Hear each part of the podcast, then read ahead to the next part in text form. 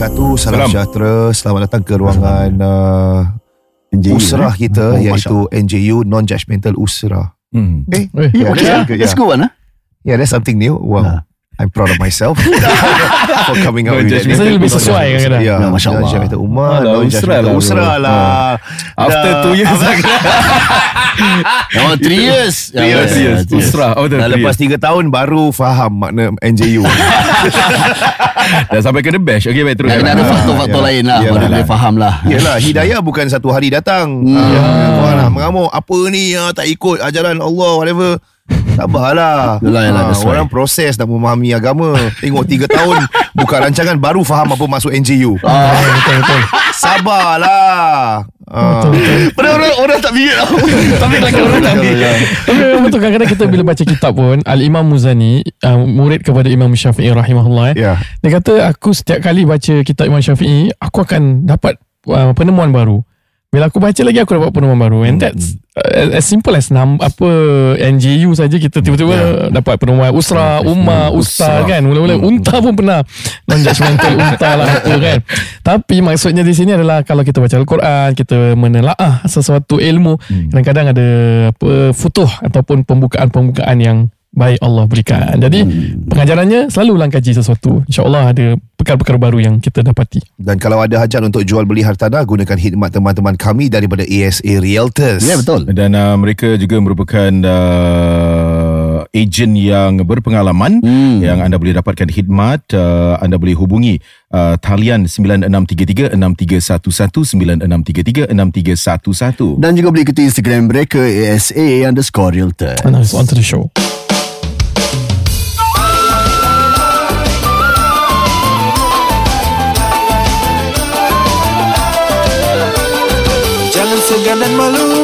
Marilah mendengar NGU Ajak kawan-kawanmu Menjadi pendengar berilmu. Jangan segan dan malu Marilah mendengar NGU Ajak kawan-kawanmu Menjadi pendengar berilmu. Lai lai lai lai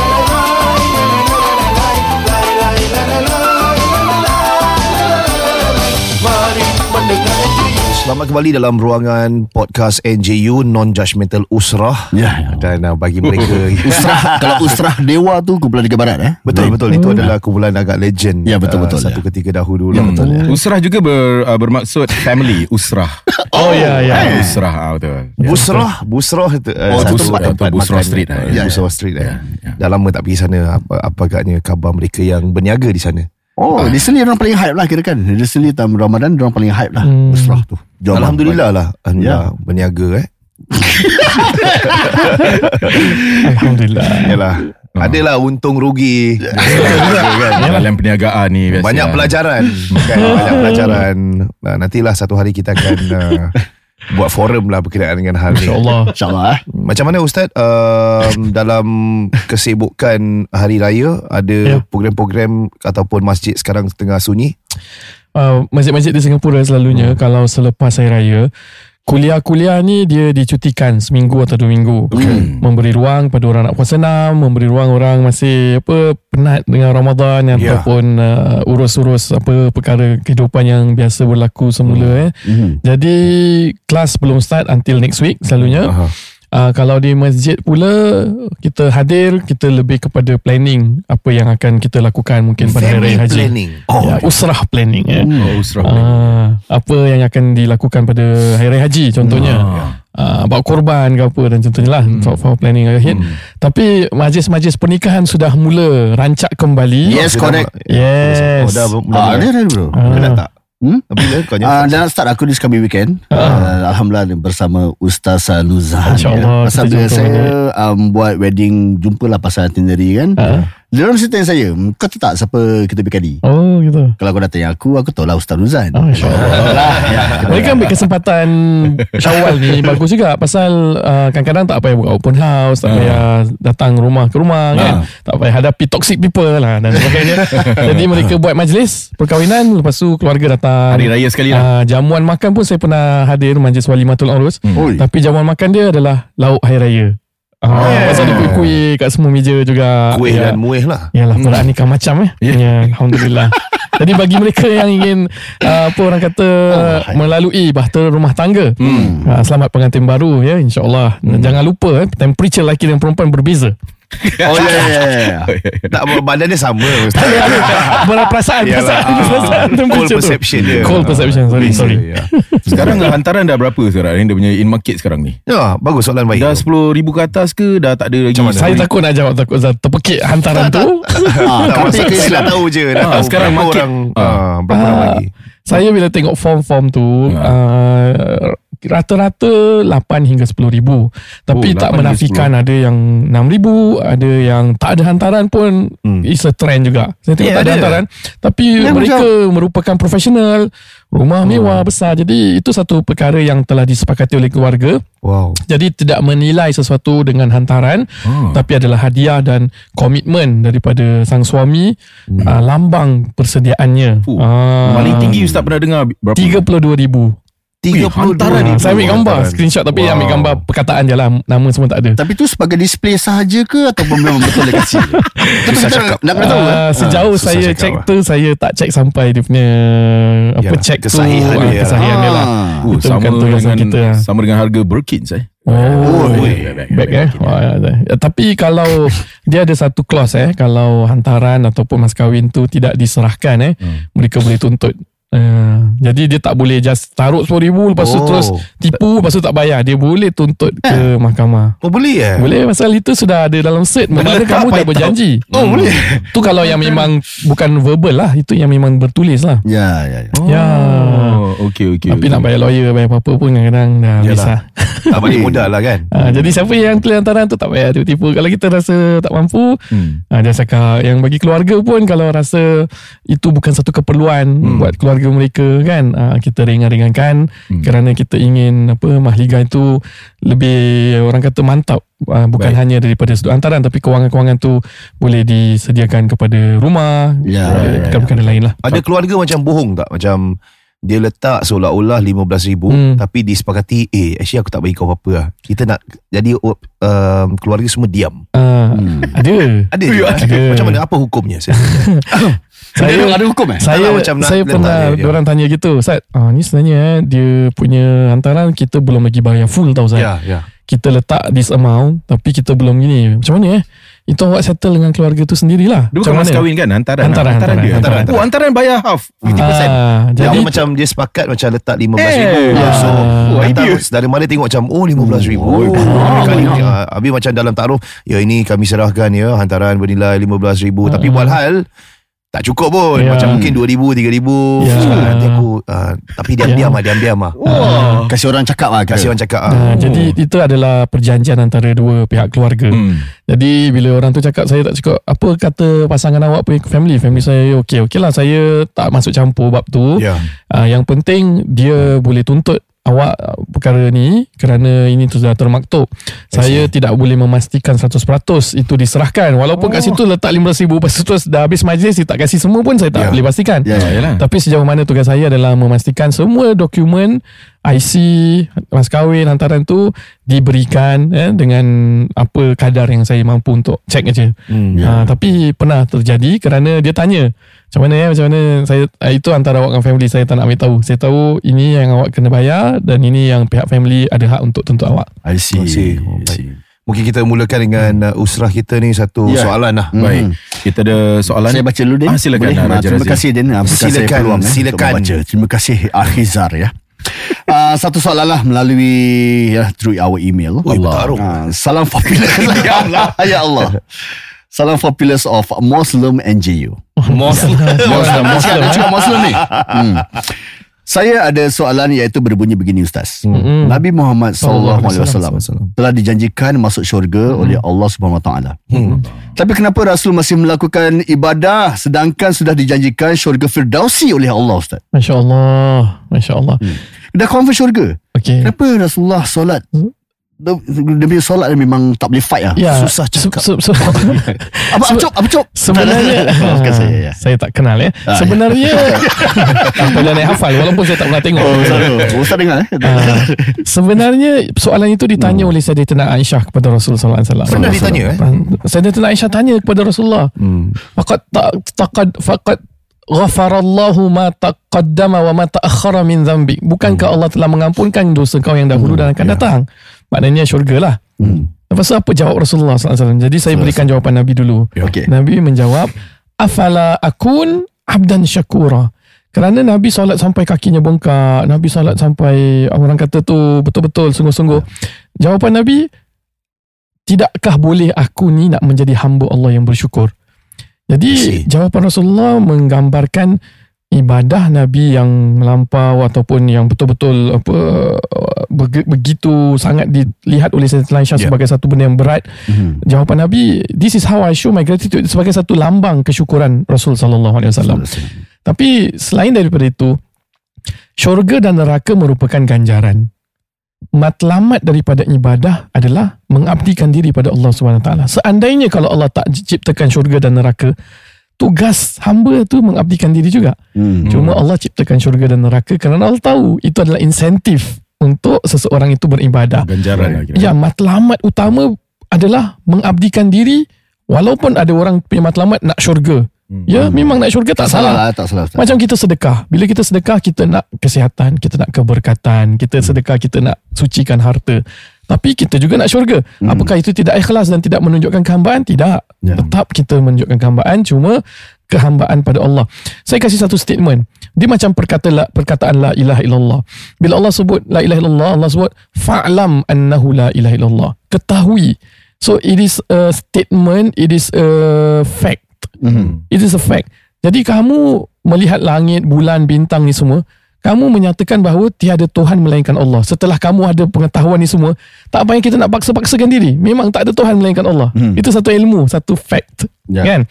Sama seperti kamu sebagai hamba mengabdikan diri kepada Allah Subhanahu Taala itu adalah satu fakta yang mana Allah tanggungjawabkan Allah perintahkan wa ma khalaqtul jinna wal ins illa liya'budun. Tidak aku jadikan jin dan manusia untuk kecuali untuk menyembahkan kepada diriku.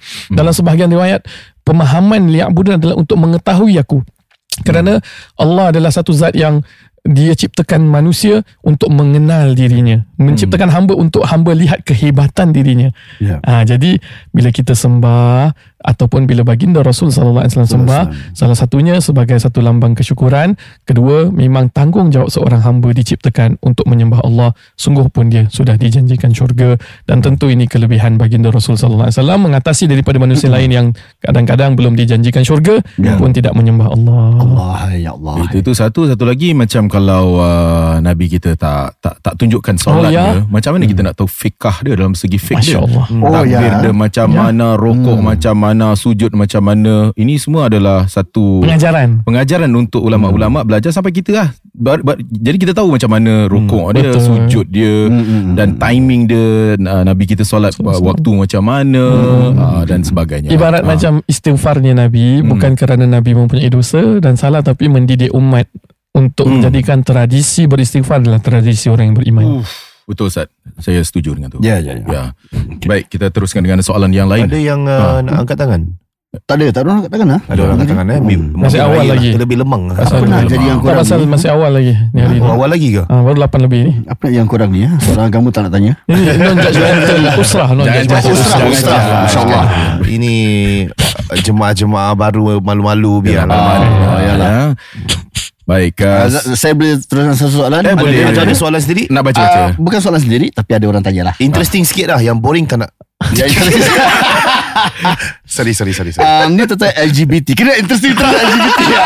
Interesting tentang boring, LGBT Apa Interesting lah. hmm, ah, Ini Saya pasal macam nak kongsi something Tapi Oh, macam tak sesuai Pasal pula So ni. Tak adalah Tak apalah Alamak Kau ni dah kasi hati-hati. Jangan salah cakap Tak ada ni mac- pasal identity politics lah. Mungkin dapat di, dibahaskan. Cuma kelakar lah saya tengok. Ada kalanya perkara-perkara yang berlaku di negara barat ni kita lihat uh, you know mereka ni uh, uh, certain ideals yang mereka um, perjuangkan contohnya freedom of speech lah left wing politics Mm. lah and then the identity politics um, certain rights activism dan seumpamanya Hmm. dia ibarat macam um, tertembak ke diri sendiri. Hmm. So kalau you all tahu tentang I don't know whether you all uh, uh, ni recently I was like scrolling to Twitter and then uh-huh. going through YouTube cak, eh kira benda ni berlaku kat Amerika juga ah. Okay. Hmm. Hmm, contoh. Berkenaan dengan uh, Budweiser. Budweiser ni satu brand beer. Ah. Dia. Yeah. So for the longest time Budweiser ni dia uh, diminum oleh uh, orang-orang yang konservatif Okay. dan cara um, marketing mereka lebih kepada kejantanan, masculinity, pasal sports dan seumpamanya. Ya, ya. So it it has a wide appeal. It is the best selling beer in Okay. America. Okay. So recently there was a marketing boo-boo because diorang ambil satu ambassador Hmm. yang merupakan seorang uh, transgender punya woman. Okay. And then uh, to celebrate dia punya womanhood. You know sekarang ada kekeliruan kan dari Ha. sudut macam kau lelaki tapi kau nak identify Ya. sebagai woman. So untuk uh, meraihkan this person's womanhood Mm-mm. dah lebih 20 lebih tahun kira dia transition to become a woman. Ha. Budweiser meletakkan wajah dia ke can Budweiser tu sendiri. Okay. Dan ketika itu dilakukan, dia punya sales drop gila. Oh. Okay. Drop dan orang-orang Amerika membeli in bar, letak dekat open field, tembak, Hmm. tembak beer, habis steamroll it over, went out and then boycott the whole thing. Damn. And it was really a marketing bubu sampai orangnya VP of marketing direhatkan on long leave of absence. And Buang then- tu, kena ah, buang lah tu. Dia kena long leave lah. And then was taken over by another. I was, I was looking macam kira se, se keterbukaan macam dari sudut konsep dan juga you know ideologi Hmm. keterbukaan mereka se se se open minded mana pun Ya. Hmm.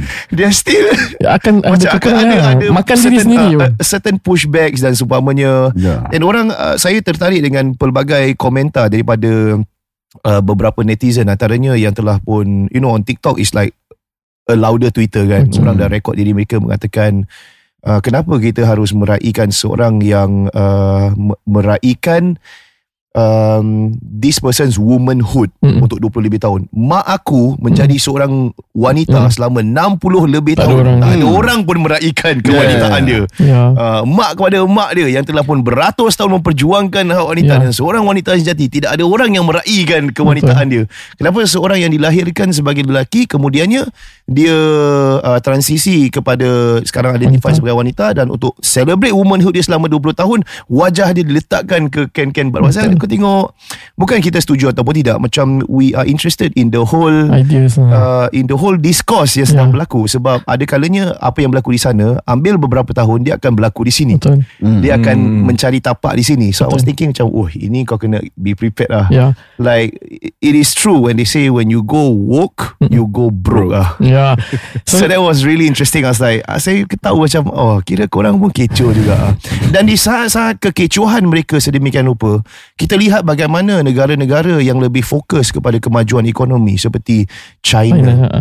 seperti alliance mereka kepada negara-negara BRICS di uh, India, Ya. di Russia dan sebagainya. Mereka lebih orang kata tu bersepadu dan uh, bersepakat untuk memperjuangkan dari sudut ekonomi mereka dan tidak orang kata tu jatuh kepada kelemahan ideologi-ideologi falsafah-falsafah dan I would say the radical left punya Hmm. pemikiran yang sebenarnya derail them from Hmm. actual nation building. Betul betul. Saya rasa pengamatan ni uh, satu pengamatan yang baik eh wajar untuk masyarakat kita sebelum datang trend-trend ni kadang-kadang bila Dia trend ni datang ya bila Dia- trend ni datang dia akan mula untuk baru merasakan uh, ini cara pemikiran yang betul, ini pembela kebenaran, ini pembela hak yang betul.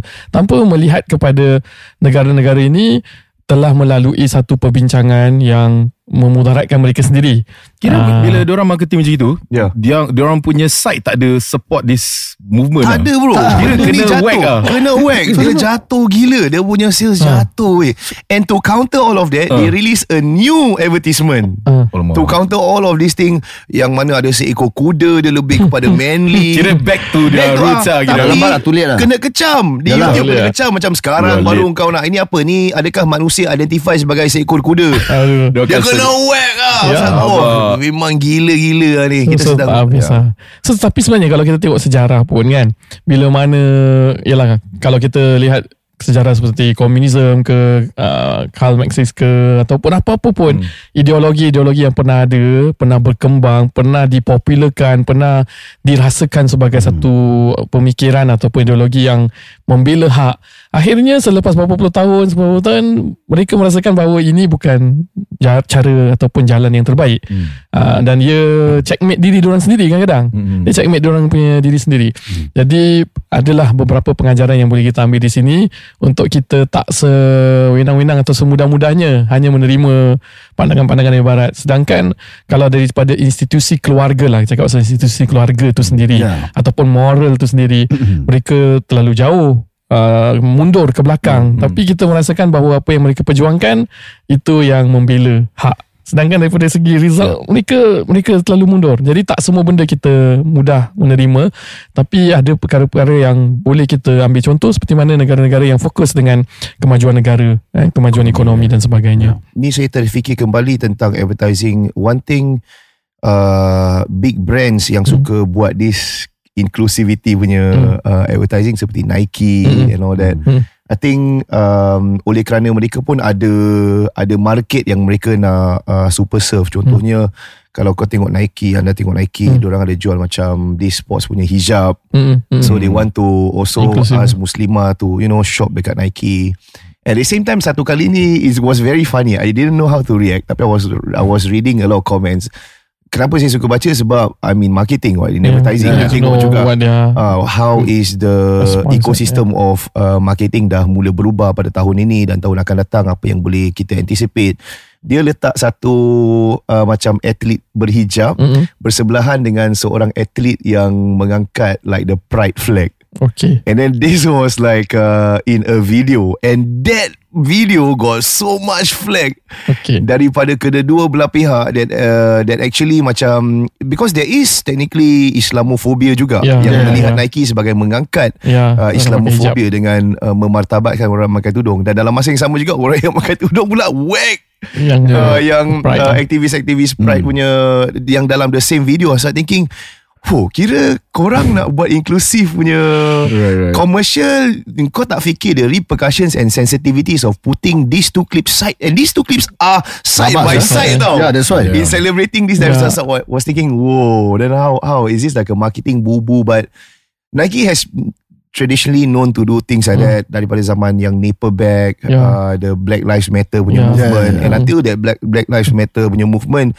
uh, was actually semi shut down sebab the founders of Black Lives uh, Matter, uh. dia orang songlap duit daripada yeah. duit yang, daripada duit yang telah mereka yeah, naikkan that fundraiser, they bought multiple properties under several founders punya name, so. Hmm really interesting. This activist movement, I would feel in this day and age is actually dying. And you mm. see the the next generation or generation alpha, these are your vocal people yang actually, for lack of a better word, orang tak kisah pasal benda-benda mm. macam ni. And I'm interest, interested to know how big brands will navigate through this messy world mm. of advertising untuk suit uh, the next generation of shoppers and customers.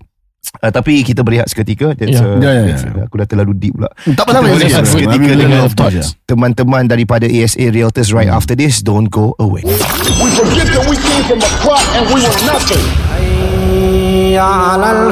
Bila kita dipuji Harusnya kita berdoa Allahumma ja'alni khairan mimma yazunnun. Ya jadikan aku Lebih baik daripada apa yang mereka sangkakan. Podcast ini dibawakan khas kepada anda Oleh teman-teman kami di ASA Realtors. Bagi mereka yang memerlukan konsultasi hartanah Dan uh, ini merupakan secara percuma Dapatkan segera dari ejen anda ASA Realtors Talian 9633-6311 Call saja 9633-6311 Ikuti Instagram mereka ASA underscore Realtors. Yes, Masih bersama dengan Ejen Syahid Dan juga Ejen Ahan mm-hmm. Yang mana betulnya adalah Farhan eh? Ya yeah, betul-betul Jadi ini nak kongsi sedikit lah Boleh silakan Tadi uh, Ejen Syahid kata tentang parenting mm-hmm. Parenting ni maksudnya apa ni Cara nak, nak Macam mana nak jaga anak ke Nak ajar anak ke Ataupun perumahan Macam mana uh. Okay, uh, bila kita go through our industry kan Kadang-kadang bila parenting ni luas lah uh, It's not about There's a lot of things lah Macam mana jaga anak Even in terms of property planning pun parenting main peranan yang besar. Okay, okay. Uh, because I recently ada client eh, kira hmm. nak beli rumah, nak yeah. beli rumah, ni dah jual rumah, nak beli rumah, tapi anak tak nak beli kat Yishun. Uh, so ada prefer, ada preference ah, preference uh, certain location orang tak nak and then certain location orang nak. Ini anak belum kahwin lah Anak duduk dengan mak bapak Betul, duduk oh. bapak. Okay Uh, so parents uh, dengan dia punya anak pun ada discussion lah. Hmm. Hmm. Kira not in terms of like oh parents nak kena beli rumah ni diorang main beli je. Habis diorang pun risau kalau diorang beli sekali anak dia tak happy. So these are all the discussion about Mana how boleh anak kena ikut mak bapak lah. Ah, waktu dari segi parenting tu nak kena tengok oh. uh, which type of uh, parenting that we are adopting uh, then uh, kena ambil cara rahmah sikit lah eh. Uh, sekali kalau dapat beli lepas tu anak tak bayar rumah pun masalah juga kan. Ya. Tapi bukan anak bayar rumah Mak, mak ayah yang bayar rumah dia ha. Apa pertimbangan dia selalu kalau anak dia tak nak ataupun kalau let's say anak dia anak kecil. Hmm. So apa pertimbangan dia ataupun anak dia dah dewasa. Hmm. Apa pertimbangan dalam perbincangan tu lah Hmm. untuk resolve the issues. Is it because near to apa amenities atau is it because apa anak tak suka kawasan barat? Apa selalu perbincangan dia? Uh, pasal isu selalu korang use benda-benda yang tak baik. Dia tak lah gurau-gurau Tak gurau-gurau je. Aku Yishun je. Tak lah. Gurau je. Waktu cakap gurau Mana-mana je sama je. Okay, uh, Tak. It's more on to the amenities lah. Uh, More on to amenities. Sekolah. Mana hmm. sekolah Mana yang ada kerja. Mungkin dah kerja Tapi belum kahwin. Uh, So hmm. orang nak dekat Where they are convenient In that sense lah. So that's where the planning has to be lah. It's very important. And apart from that pun Kadang-kadang macam Bila orang beli rumah BTO Misal kata First house Ya. Baru couple Nak beli rumah 4 bilik ke Nak beli rumah 5 bilik ke. So those are consideration tau. Kadang-kadang orang macam fikir that Okay lah beli rumah Tak nak pindah sampai bila-bila. Ada macam Razi kata tadi eh? Ada Ah. one of my one of my friend dia jual rumah, dia dah kahwin. Ah. Dia terus beli executive apartment. Belum ada anak lagi eh? Belum ada anak lagi. Dia beli EA Dia cakap kau pergi rumah Beli rumah besar-besar untuk apa. Mana, Tak ada Z Mana tahu nanti InsyaAllah kau dah dapat anak apa. So kau nak tinggal sini Lagi 20 tahun lah. Hmm. Dia cakap memang aku nak tinggal sini lama Hmm. Ya. Macam gitu lah So that's uh, planning in terms of parents lah. Apa dia orang forecast Macam for example lah Han eh uh, Baru dapat cahaya mata Eh akan datang eh Ah, akan Oh, datang. Akan datang Ya. So macam mana tu. Ada property planning ke Ya, so actually uh, kita punya rancangan um, apa mula-mula memang kita nak uh, just dapatkan BTO dulu lah. Okay. Uh, so kita dapatkan apa yang kita boleh dapat. Uh, so apa yang kita dapat uh, 4 bilik BTO. Dah dapat dah, dah- dah- dah Ah, dah tinggal dapat. Ya. So sekarang ni uh, ada dua bilik common je kan. Uh, so ta- tapi for for me I want uh, three lah, three three kids. Uh, tapi for my wife tak tahulah kan. But kalau nak ada tiga uh, apa cahaya mata tu uh, mungkin kena ada uh, apa rumah yang lebih luas sikit lah. Hmm? Uh, apa Kalau tiga Pasal- anak lelaki Semua boleh sumbat satu bilik apa banyak bilik apa Kalau sama Kalau sama gender lah sama mana Jadi apa uh, the best thing is kalau BTO you know the best advice is uh, bila jual then you can get that uh, amount of profit then you can go to a bigger uh, location A bigger uh, house to, lah. to bigger house yeah Hmm. correct. So uh, apa tu and also amenities macam bus stop nak nak apa nak pergi ke sekolah ke Yeah. nak pergi ke uh, mall ke untuk beli barang-barang sekolah ke uh, all this kind of thing uh, we are starting to already uh, apa tu uh, rancang lah. Uh, pasal sekarang kita tengah buat bilik untuk uh, baby tu uh, dah, dah dah start pergi jauh. Uh, so but all this kind of thing it plays a part lah if Alah you are untuk baby lah. Zah tidur dengan mak juga. Nah lah Tidur tengah. Cakap pasal mak dengan anak Ada kadang-kadang orang tanya eh Hmm. Kalau salah satu dah meninggal Spouse dah meninggal Kemudian orang nak pindah Is it wise to letak nama anak yang belum kahwin Bersama-sama dengan uh, mak Ataupun bersama-sama dengan bapa Atau what are the ni, repercussions Oh, ni soalan yang baik sekali untuk kita uh, share lah eh, from our own experience uh, running to the industry kan. Uh, kita kalau boleh lah nasihatkan jangan letak nama anak inside the house lah. For example, parents dah meninggal, tinggal satu orang je kan. Once dah letak nama anak as a owner kan, nanti anak ni bila nak berumah tangga, susah sikit. Pasal dia tak boleh beli uh, HDB on his own apa, atau her own. So nak kena keluarkan nama, bila keluarkan nama nanti CPF ada uh, interference sikit. Pasal dah pakai. So a bit serious. Ada tukar Ah. Tapi kalau bapak cakap Tak apalah ini. Kalau bapak dah meninggal Jadi rumah engkau lah. Rumah engkau Pusaka engkau. Tak payah belilah rumah lain. Kalau bapak cakap itu Ayolah memang ada ada. Ah, ada in real life pun ada macam itu cuma kadang-kadang anak pun ada preference sendiri. Ah. ah. so bila uh, dia punya wife ada dia punya own preference Ah. so then dia orang nak beli rumah sendiri juga. Uh, then from that point of time then susah. Uh, there will be a lot of uh, repercussion lah. Macam let's say anak ni dah pakai CPF untuk rumah. Boleh gaduh eh Boleh gaduh eh Lelaki bini eh Ya, yeah, in a sense lah Because uh, dia lain upbringing kan Kita Yes. faham sangat. So bila dah pakai CPF Sekali bapak dia nak dah tak kerja Habis whatever CPF anak dia dah pakai Nak kena bayar balik tak boleh. Correct. Habis nak jual kadang-kadang macam Parents ada sentimental value. So there will be a lot lah that, sama. that we feel lah. So kalau kita nak katakan Masalah umum Kita nasihatkan Kalau boleh jangan lah. Nak Ah, mahal. Kalau nak Then you really have to think through Because Future tak ada orang tahu lah. Kadang-kadang macam sekarang ni Anak dia okay lah. Mungkin kata oh, Tak nak kahwin lah lagi lama. Top-top sekali dia nak kahwin. Then Ya, after kan? that Yalah. So this kind of things uh, we hope uh, with this you need to have the knowledge lah. Yang penting ilmu ah. Hmm. Ilmu perbincangan kalau boleh kita nasihatkan tak uh, pasal kita dah nampak sangat banyak in real life uh, situation whereby it's a bit tedious. Hmm. Uh, so better in terms of parents kan kalau actually rumah tu besar sangat better for the parent to sell. Hmm. Uh, jual lah jual lepas tu beli rumah sendiri. Uh, hmm. Maybe from a five room Beli three room Atas nama seorang Tak payah involve anak dia hmm. So anak dia free For them to later on Purchase on their own Right. See, see. Jadi ada kan perbualan bersama dengan teman-teman kami daripada ASA Realtors dengan segera untuk mendapat uh, tahu lebih lanjut lagi berkenaan dengan cara-cara untuk menjual beli hartanah. Ya dan juga kalau ada masalah-masalah seperti apa yang disebutkan tadi tentang uh, parents dan sebagainya ada suka ada tak suka dapatkan uh, penjelasan lebih lanjut uh, daripada ASA Realtors hubungi talian 96336311 96336311 Ikuti Instagram mereka ASA underscore Realtors.